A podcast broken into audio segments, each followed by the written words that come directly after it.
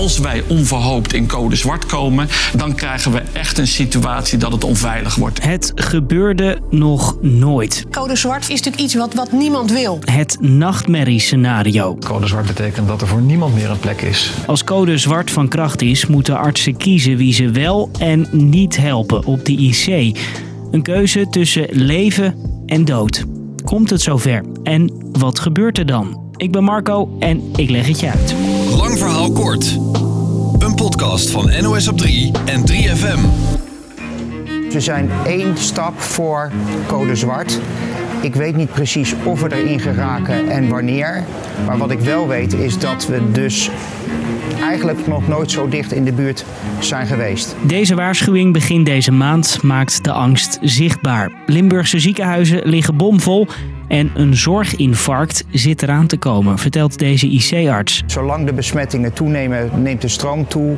En als we al zo dicht erbij zijn, dan is dat hetgene wat maakt dat we ons enorm aan het voorbereiden zijn. In de afgelopen weken zijn de cijfers doorgestegen en dus blijven er meer bedden nodig. Verpleegkundigen zijn niet optimistisch. Als we geen, he, geen daling gaan zien van het aantal besmettingen, dan zal de druk enorm gaan toenemen. Uh, dus we hebben het dan over een periode van twee tot drie weken. En dan zou code zwart kunnen optreden, ja. zeggen de verpleegkundigen. Ja. Maar deze week zegt Ernst Kuipers, de man die de ziekenhuisbedden in heel het land overziet, dat er nog rek in zit. Code zwart is nog niet dichtbij. Op dit moment is daar volstrekt geen sprake van. En dat zullen we in de komende dagen en naar verwachting in de komende week ook niet krijgen. Door patiënten te verplaatsen, ook naar Duitse IC's en reguliere zorg af te schalen, moet het lukken. Ook de missionair minister De Jonge zegt.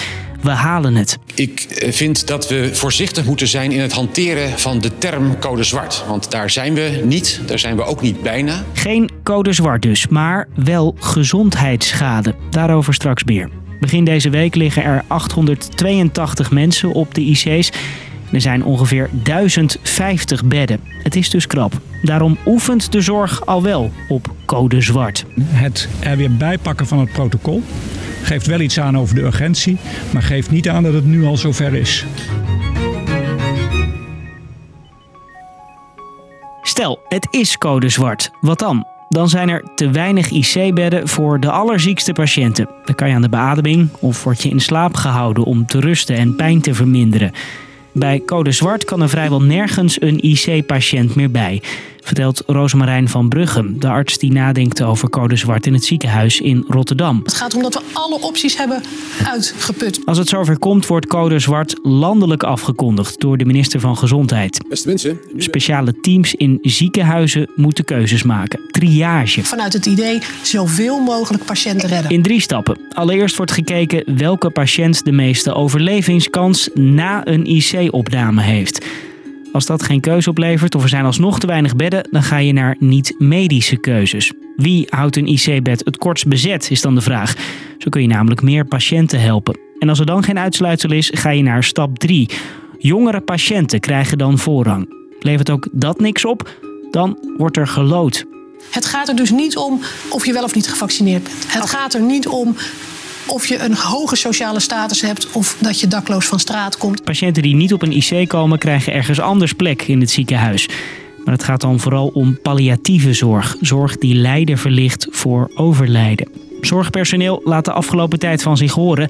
Dit protocol echt uitvoeren moeten we niet willen. Ja, ik zie hem dus vooral als een waarschuwing. Jongens, we willen niet ja. die kant op gaan. Want buiten dat code zwart in de ziekenhuizen heel zwaar is, zou dit natuurlijk ook heel slecht vallen bij patiënten, vertelt Diederik Gommers, de IC-baas. Dan moeten we ons personeel gaan beschermen met politie of het leger. Want? Ja, nou, omdat die emoties lopen gigantisch. Als jij dan het ziekenhuis komt en wij zeggen, ja, we hebben geen plek. Code zwart gaat dus over de intensive cares. Maar daaromheen is nog een heel grijs gebied van zorg die steeds meer knelt.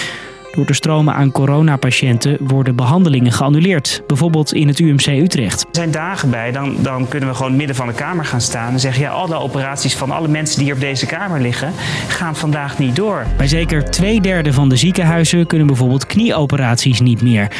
En bij zeker 12 ziekenhuizen gaat het nog verder. Daar worden kankerbehandelingen en transplantaties van bijvoorbeeld een hart uitgesteld.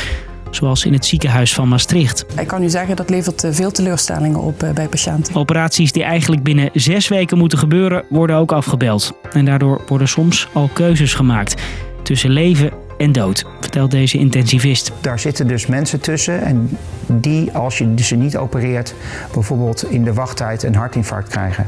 Of waarbij de kanker nu nog te opereren is en het uiteindelijk dan niet meer is. Dus lang verhaal kort. Code Zwart moet ervoor zorgen dat bij een landelijk tekort aan IC-bedden de mensen met de grootste overlevingskans hulp krijgen. Een moeilijk proces voor artsen en patiënten. Zorgpersoneel waarschuwt wel langer voor code zwart. Volgens politiek en bestuurders is er nog rek en zijn we nog niet dichtbij het donkerste scenario op de intensive cares. Dat was hem voor vandaag. Bedankt voor het luisteren weer.